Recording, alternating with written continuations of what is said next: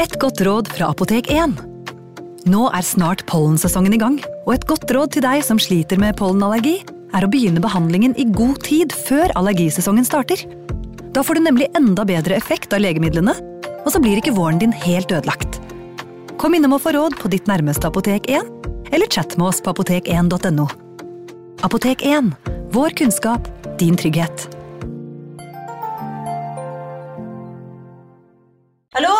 Jeg kommer fra Oslo politikammer. Ine Jansen er purk. Er du purk? The motherfucking bitch. Alt jeg vil, er å finne ut hva som skjedde med mannen min. Jon Carew. Er jeg sikta for noe? Iben Akeli. Det er du. Ole So, Lars Berrum og Big Daddy Karsten. Hvem sin side er du på, egentlig? Anette Hoff, Tone Danielsen, Kommer du fra Afrika? Jørnis Josef, Nesten. Kløfta. Trond Espen Seim, Det er synd å si det, men det var feil mann som døde. Purk. Premiere tirsdag på TV2 Play. Ungsamtalen fra DNB er økonomisk veiledning tilpasset deg som er ung.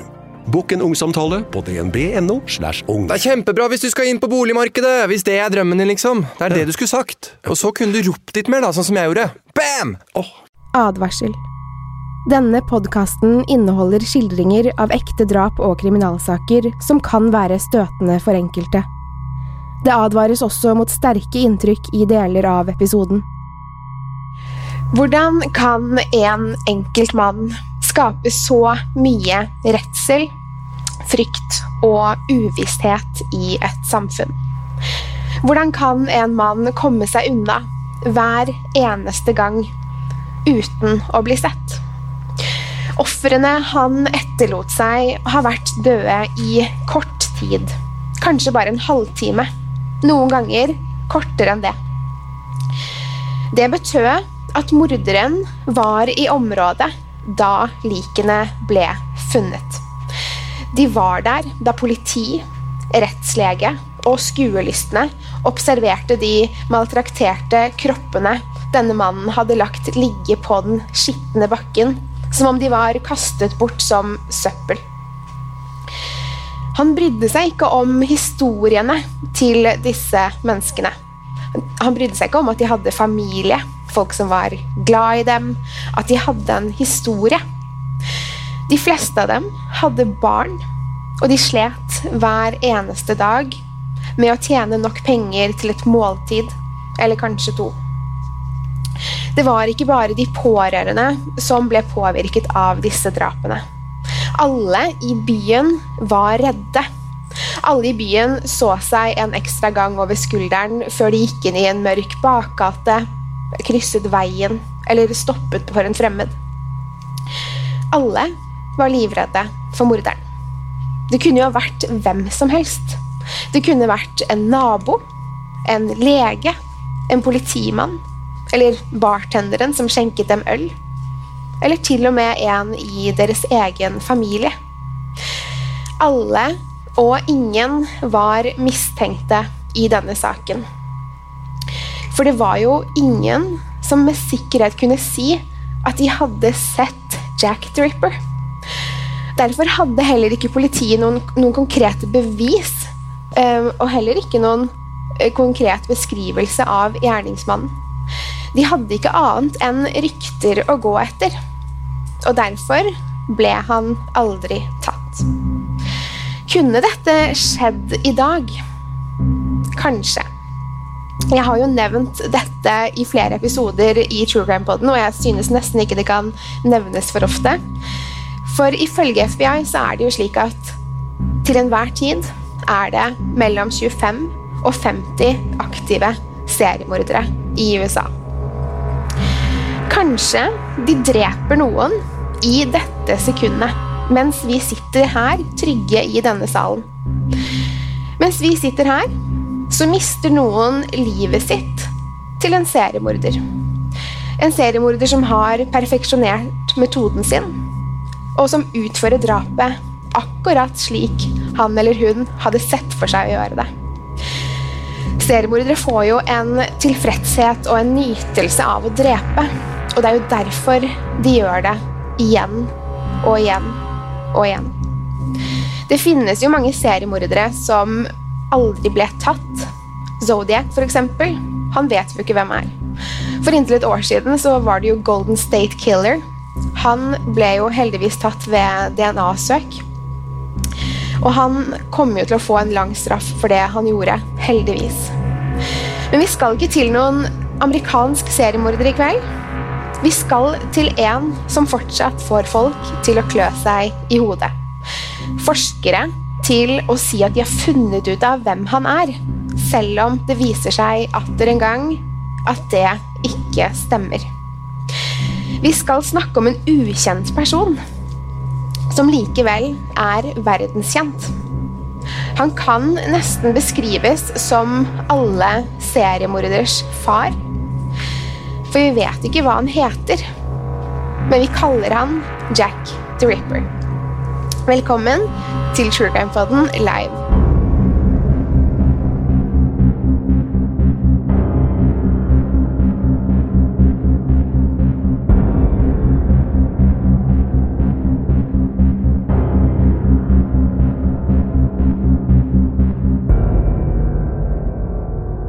Vi skal til den viktorianske tiden, tilbake til 1881. Den østlige delen av London, som også var den verste. Det var her de fattige bodde, sammen med de kriminelle og de farlige. Men det var ikke bare menneskene som var farlige. Det var også sykdommer i området. Det var, um, byen var preget av fattigdom, og det var ikke noe vannsystem som gjorde at når folk hadde um, gått på do da, i bøtter inne hos seg, så kastet de det ut på gaten, og det rant nedover gaten og inn i drikkevannet deres. Så folk ble syke av og døde ganske av dette. De hadde ikke tilgang på rent vann, og det var jo sånn at hvis noen døde, så lå likene kanskje flere dager før de ble hentet, så det var dårlige kår i Whitechapel. Folk sultet dessverre også, og det var lite jobber, så derfor var det mange kvinner som så seg nødt til å prostituere seg for å tjene til livets opphold. De hadde gjerne flere barn som trengte mat, og selv om de tjente litt penger på prostitusjon, så betalte likevel ikke det nok til å betale husleie, klær, mat. Derfor måtte de ta andre jobber også. De jobbet som vaskedamer, bartendere. Men kvinnene var jo veldig utsatte i ryktene sine fra før. De ble mishandlet. De ble slått. I Whitechapel jobbet ca. 1200 kvinner som prostituerte på denne tiden. Ikke fordi de ville, men fordi de måtte. Mange av dem ble alkoholiserte og opplevde mye traumatisk. De ble slått av kundene sine. Noen ble til og med drept. Og politiet brydde seg ikke. For de var jo bare prostituerte. De var jo ikke noen viktig del av samfunnet. De var jo ikke innflytelsesrike mennesker. Og siden dette var holdningen til politiet, skulle man jo tro at mordene i Whitechapel ikke ville ha så stor betydning som de faktisk fikk. For det var jo få som brydde seg om disse kvinnene. Utenom når de skulle kjøpe tjenester av dem. Kvinnene bodde ofte i herberger hvor de kunne leie rom for en natt. Og hadde de ikke penger, så ble de kastet ut. Da måtte de sove på gaten eller skaffe seg en kunde og kanskje sove hos han. Eller så kanskje kunden ga dem nok penger til å sove med tak over hodet en natt til, før neste morgen bød på utfordringer. Det var nok måten Jack the Ripper drepte på, og hvordan ofrene var oppstilt og plassert, som gjorde folk redde. Både politiet og folk flest. Fordi det var så uvanlig, så groteskt. Ingen hadde noen gang sett eller hørt om noe lignende. Så da første offer ble funnet, ble alle overrasket over brutaliteten. Men ingen kunne engang forestille seg over hva som skulle komme. Nå kommer jeg til å gå gjennom alle mordofrene jeg kommer til å fortelle hvordan de ble funnet, og hva som hadde skjedd med dem, så dere er forberedt på det. 31. august 1881. Klokken er ca. ti over halv fire på natten, og Charles Cross har nettopp gått ut av leiligheten sin i Whitechapel. Han er på vei til jobb denne tidlige morgenen. Det er fortsatt mørkt ute, men Cross kjenner veien godt. Han går nedover fortauet og skal til å svinge for å gå gjennom en bakgate, en snarvei til jobben. Bakgaten er trang og veldig mørk. Han går innover Buck Row, forbi varehusene som ligger på hver side av veien, ganske tett, ganske mørkt. Og Charles Bruss ser noe ligge på bakken. Han tror først at det er noe klær som ligger der, som noen har glemt igjen. Men det er ikke klær som ligger på bakken. Det er en kvinne. Og Cross han vet ikke om hun er levende eller død, for hun ligger der, helt stille. Charles Cross tenker at kvinnen er full, men han kan ikke se om hun puster. Så hører han to menn som kommer fra det samme stedet han kom fra. De er også sikkert på vei til jobb, så han roper de over til seg. Og de kommer mot ham. De ser også kvinnen og prøver å spørre henne om alt står bra til. Men kvinnen bare ligger der. Hun ligger på ryggen, livløs, med skjørtet sitt dratt over magen og brystet. Cross bøyer seg ned og kjenner på ansiktet hennes, og det er fortsatt varmt. Han kjenner på hendene hennes, og de er iskalde. Han legger hendene hennes over brystet, for han tenker at hun fortsatt puster. Og Charles Cross og de to mennene de vet ikke hva de skal gjøre. Og pga. klærne hennes, som dekker over magen, brystet og halsen, så ser ikke de at kvinnen er drept. De ser ikke at halsen hennes er skåret over og at hodet hennes nesten er kuttet av. De drar det ene underskjertet hennes tilbake over hoftene og bena hennes, så hun ikke skal fryse. Og så går de sin vei. De sier fra til en politimann de møter på veien, men de går. Politikonstabelen heter John Neal. Han går straks bort til stedet der mennene hadde sett den livløse kvinnen, og ser henne ligge på bakken. Klærne til kvinnen er i uorden. John Neal lyser på henne med lykten sin, og først da ser han alt blodet. Rundt kvinnens hode er en stor, mørk blodpøl. Han kjenner på henne, og hun er varm på overarmene. Og øynene hennes er åpne. De er glassaktige og bare stirrer ut i luften. De ser ikke på noen ting. De bare er der. John Neal blåser i fløyten sin, og flere politikonstabler kommer til. De erklærer kvinnen død når de ser halsen hennes. En lege kommer også og noterer seg kvinnens skader. Han estimerer at kvinnen har vært død i rundt en halvtime, og morderen kan være i nærheten. Kvinnens hals er som sagt kuttet over, med to jevne kutt fra høyre til venstre. Kniven må ha vært sylskarp, og morderen trolig venstrehendt. Pusterøret og stemmebåndet var kuttet over. Hun var kuttet så dypt at ryggmargen hennes nesten var kuttet av. Kvinnen hadde også flere blåmerker i ansiktet og på brystet. Magen hennes var sprettet opp fra ribbena og ned til skambenet. Hun er knivstukket to ganger i kjønnsorganet.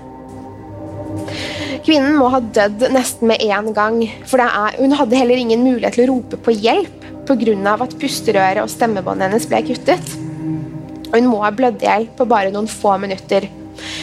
Morderen må ha kuttet henne opp etter at hun var død, heldigvis.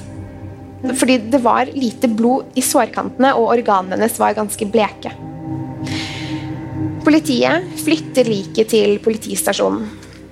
Kvinnen som ble drept, er 45 år gamle Mary Ann Nichols, mamma til fem barn. Hun ble kalt Polly blant venner. Hun hadde ikke et fast oppholdssted, så hun pleide å bo på et herberge i nærheten av åstedet. Mary Nichols ble identifisert av en nabo som kom til politihuset. Mary var prostituert, alkoholiker. En ganske vanlig kombinasjon for kvinnene som jobbet med slikt.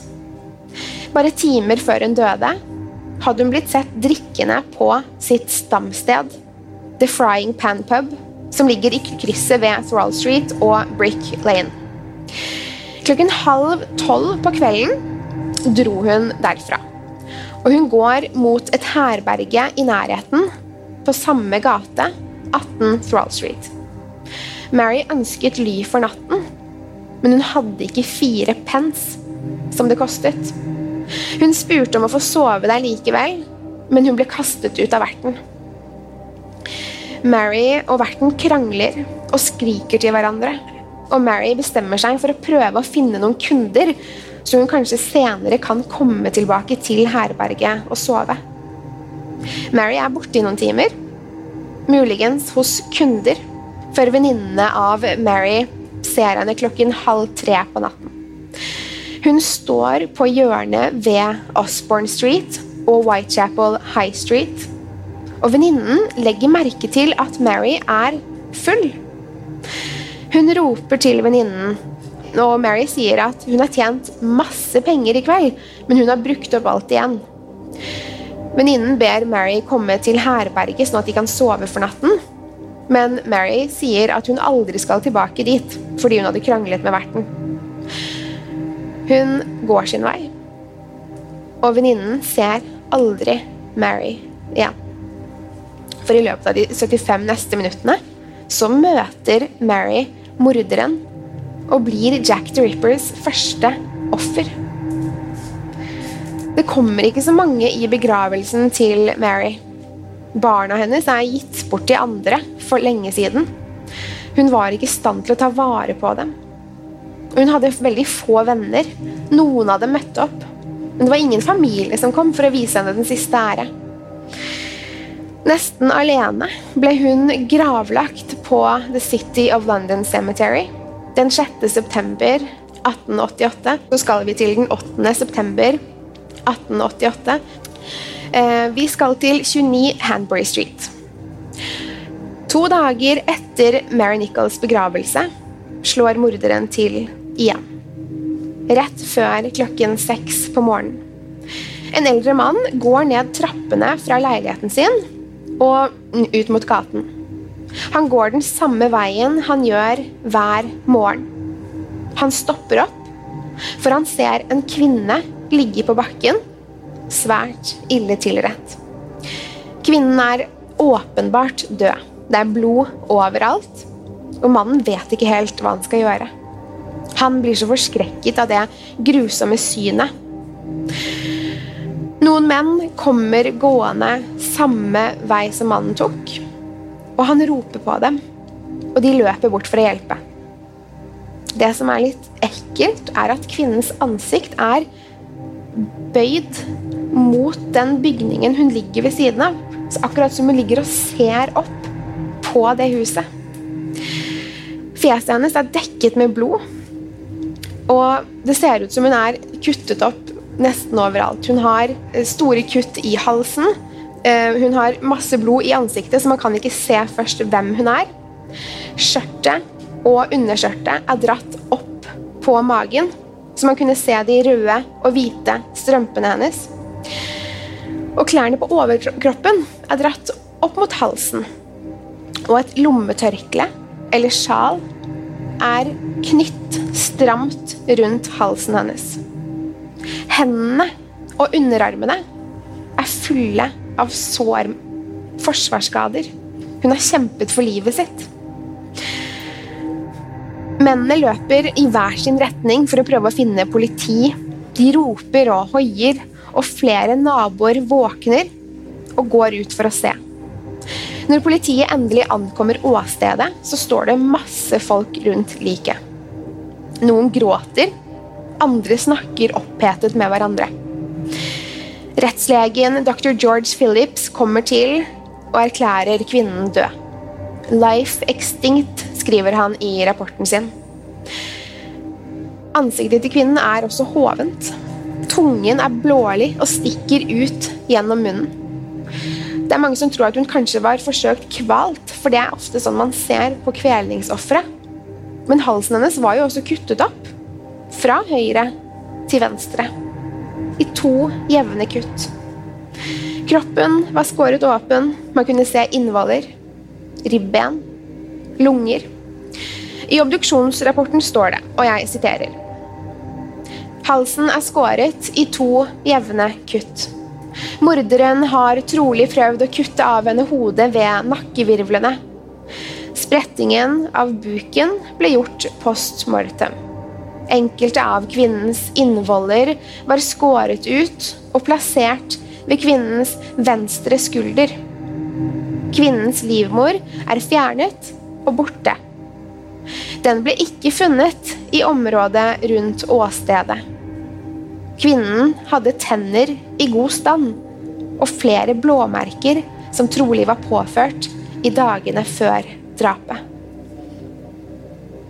Kvinnen var 45 år gamle Annie Chapman, tidligere gift og mamma til tre barn fra det ekteskapet.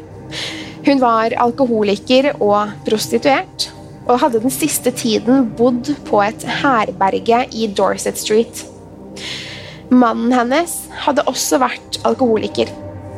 Han hadde dødd to år tidligere som følge av alkoholmisbruket. Annie hadde kort tid senere vært nødt til å jobbe som prostituert for å kunne mate barna sine. I tillegg til å jobbe som prostituert, så lagde hun falske blomster som hun solgte på torget på dagtid for å tjene litt ekstra penger til barna sine samme dag som drapet hadde Annie kranglet med bestyrerinnen på herberget, Eliza Cooper. Annie hadde lånt et såpestykke og ikke gitt det tilbake til Eliza. Eliza hadde spurt om å få det tilbake flere ganger, og denne kvelden eskalerte det. De to var begge på samme bar og hadde ropt til hverandre før Eliza hadde slått Annie i ansiktet og brystet. Annie hadde tydelig fått vondt av slagene og hostet voldsomt. Den siste tiden hadde også Annie vært i dårlig form. Hun var blek, spiste nesten ikke, og flere av vennene hennes var bekymret for henne. Under obduksjonen viste det seg også at Annie var alvorlig syk. Hun var så syk at hun bare hadde noen få måneder igjen å leve. Legen mente at Annie må ha levd med store smerter i hodet, ryggen og magen som følge av sykdommen. Det er usikkert om Annie selv var klar over hvor syk hun egentlig var. Så skal vi til den 30. september 1881. En mann er ute og kjører med hest og kjerre i Whitechapels mørke gater. Klokken er rett før ett om natten. Han skal til å svinge mot høyre når han får øye på noe som ligger på bakken. Hesten hans nekter å gå videre. Mannen går ned fra kjerren og bort mot det som ligger i veien. Han ser raskt at det er en person, en kvinne, Mannen tror kvinnen sover og tenker at hun kanskje er full. Så han slår pisken sin i bakken ved siden av henne for å vekke henne. Hun rører seg ikke. Hun bare ligger der, helt stille. Det er veldig mørkt, så han kan ikke se henne så godt. Men i lommen har han fyrstikker og bestemmer seg for å tenne igjen. Han har hørt om kvinnene som er blitt funnet drept tidligere, og vil forsikre seg om at denne kvinnen ikke er en av dem. Han tenner fyrstikken, men det er så mye vind at fyrstikken blåser ut, så han må tenne en ny. Så nærmer han seg kvinnen. Det blåser fortsatt, men den blafrende flammen viser hva som ligger foran han. Kvinnens hals er skåret rett over. Hun er blodig, og det ligger blod rundt henne. Først tror mannen at hun på bakken er kona hans, så han blir helt forferdet og løper til nærmeste bar, som er hans stambar eller stampub. Og der ser han kona si sitte, så da blir han veldig lettet. Men så kommer han jo på at han må si ifra, for det ligger jo en død kvinne midt på gaten. Så han sier fra til barmannen, som løper ut og finner politi. Han forteller også hva han har funnet på, eh, på bakken til flere av bargjestene. Og selvfølgelig går alle disse da ut for å se på denne kvinnen. Politiet kommer løpende og prøver å holde de skuelistene borte fra kvinnen. Og de ser at kvinnen er drept. Og de ber en av konstablene hente en lege. Klokken 16 minutter over ett kommer rettslege Blackwell til åstedet. Han noterer seg kvinnens posisjon, klær, og anslår hvor mye blod som ligger rundt henne. Men folkemengden rundt kvinnen gjør arbeidet vanskelig, så de beslutter å flytte liket til politistasjonen, slik at hun kan identifiseres og obduseres. Også denne kvinnen hadde et sjal knytt stramt rundt halsen, trolig plassert der etter at hun døde. Politiet tror morderen gikk bak henne, tok tak i sjalet og dro henne ned på bakken. De tror hun kan ha fått halsen skåret over mens hun lå eller satt på bakken. Stemmebåndene og pusterør var kuttet over. Hun rakk ikke å rope etter hjelp. Kroppen til denne kvinnen var ikke skåret opp. Kunne morderen ha blitt forstyrret? Kvinnen hadde vært død i kort tid før hun ble funnet, og legen tror hun var død i mindre enn en halvtime. Kanskje så kort som et kvarter. Denne kvinnen het Elizabeth Stride. Hun var ikke fra London, men hun var født Elisabeth Gustavsson, og hun var fra Hissingen utenfor Göteborg.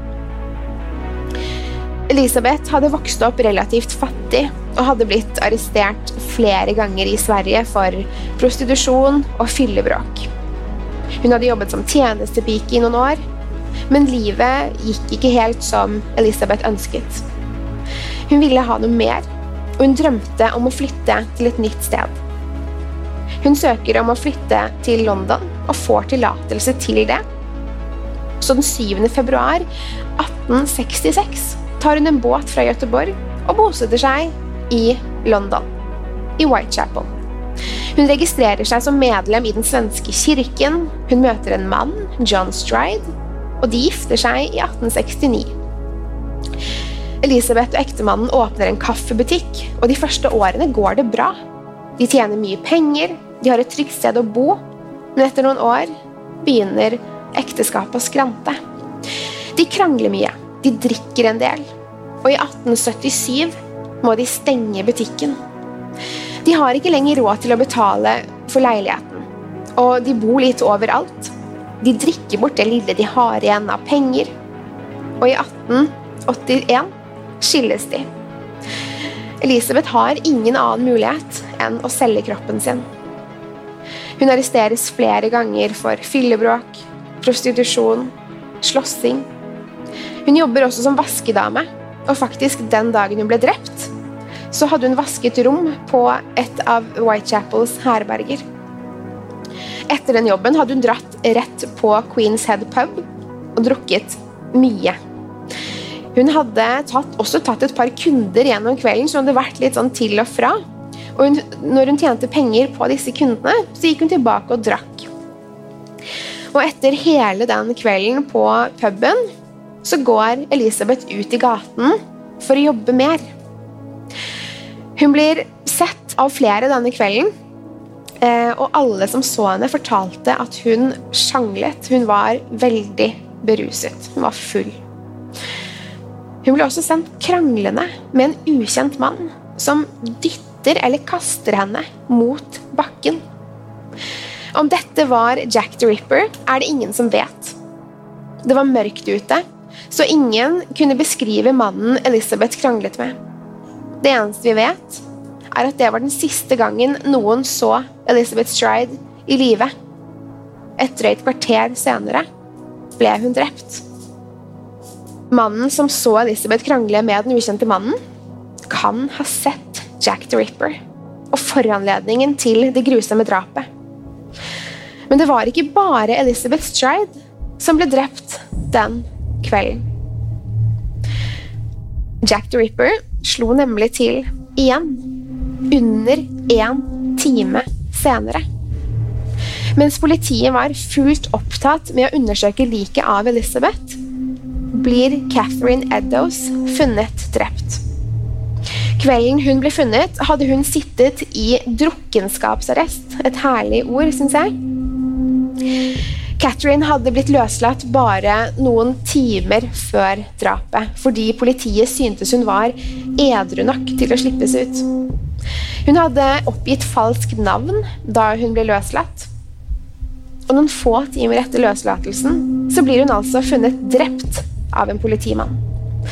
Hun lå på ryggen med klærne dratt opp, slik som de andre også ble funnet. Catherine lå i en blodpøl med halsen skåret over. Politimannen som fant henne, hadde patruljert området hele kvelden, og han hadde ikke lagt merke til noen ting annerledes. Ikke noe bråk. Ingenting. Han, fått tak i, han får tak i flere politikonstabler, og rettslegen tilkalles. Legen erklærer henne død på stedet. For halsen hennes var kuttet over, med to jevne kutt som de andre. Catherine, eller Kate som hun ble kalt, var svært ille tilrett. Hun hadde mange flere skader enn Elizabeth Stride. Ansiktet hennes var slått i stykker. Buken hennes var åpnet. Innvollene var tatt ut og lagt ved siden av henne, ved venstre skulder. Venstre nyre var skåret ut, men den var borte. Hun så ut som et slaktet dyr der hun lå, og folk begynte å samle seg rundt liket. Det var flere som kjente henne igjen, flere som visste hvem hun var. Catherine Eddowes var 45 år, hadde vært gift med en mann som het Thomas Conway. Han var soldat, og sammen hadde de fått to gutter og en jente. Catherine og mannen hadde gått fra hverandre, og da hadde de delt barna, så mannen hennes tok de to sønnene, og Catherine tok datteren så Catherine bosatte seg med datteren på et herberge. Da Catherine bodde på herberget sammen med datteren, møter hun en mann ved navn John Kelly. De innleder et forhold, men krangler mye. De flytter sammen et par ganger, så skjærer det seg, så flytter de sammen igjen. Og som mange andre enslige kvinner i Whitechapel, så ser også Catherine seg nødt til å prostituere seg. Hun har ikke råd til å mate datteren sin eller seg selv, så det er ingen annen utvei enn å selge kroppen sin for å overleve. Hun blir banket opp og truet flere ganger av kunder. Men hun går aldri til politiet, for det var jo ingen som brydde seg. Den 28. september, to dager før hun ble drept, er Catherine på en bar. Hun drikker ganske mye og forteller andre gjester at hun vet hvem Whitechapel-morderen er. Hun vet Jack the Rippers identitet. Hun sier høyt at hun skal gå til politiet og si hvem han er. For, for hun vil ha dusørpengene. Men Catherine nekter å fortelle noen andre hvem denne mannen er, for hun er redd for at de skal ta dusørpengene fra henne. En kvinne som jobber i baren, advarer Catherine mot å snakke høyt om dette, for hun kan bli drept men Catherine sier at nei, det går bra. Det er ingen som kommer til å drepe meg. Politiet tror at Jack the Ripper dro fra åstedet og rett hjem etter å ha drept Catherine Eddowes. Han kan ha gått til venstre for å ha kommet ut på gaten igjen, og har mest sannsynlig gått gjennom et område med mye folk og mye politi. I utgangspunktet så må jo han ha hatt mye blod på seg. Og etter å ha maltraktert Catherine som han gjorde.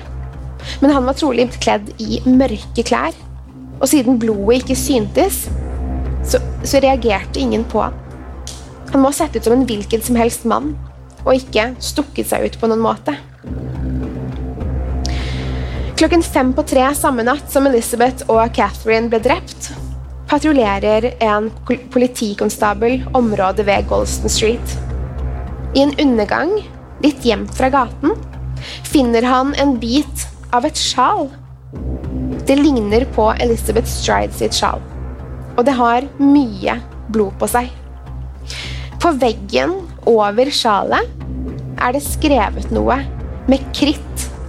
Det står på stotrende engelsk. The Jews are men that will not be blamed for nothing. Jøder er menn som ikke vil få skylden for noe. Det er mange teorier om hva, som, hva folk tror den som skrev dette, mente. Og det, Var det Jack the Ripper som skrev det? Eller var det der fra før, og morderen la sjalet der for å forvirre politiet? Var Jack the Ripper jødisk? Og var det i det hele tatt han som skrev det? Politiet er redde for opptøyer, og hvis skriften blir kjent, så de vasker det vekk med en gang. De tok ingen bilder av skriften, så den kunne aldri sammenlignes med noen av brevene som Jack the Ripper sendte til politiet senere. Det var en stor feil fra politiet.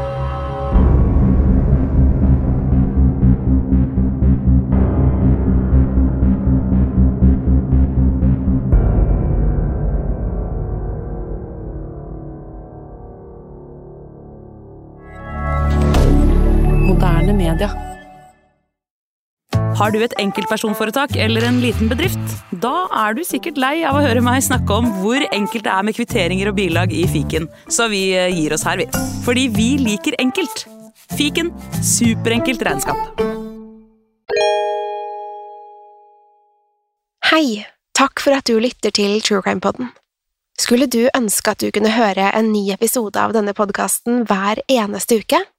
Vel, da er det bare å laste ned podkastappen Untold med en gang. I tillegg til ukentlige episoder av podkaster som Skrekkpodden, Synderne og Henrettelsespodden, får du masse annet reklamefritt og eksklusivt innhold. Last ned Untold i AppStore eller Google Play, og start din 30 dagers prøveperiode i dag.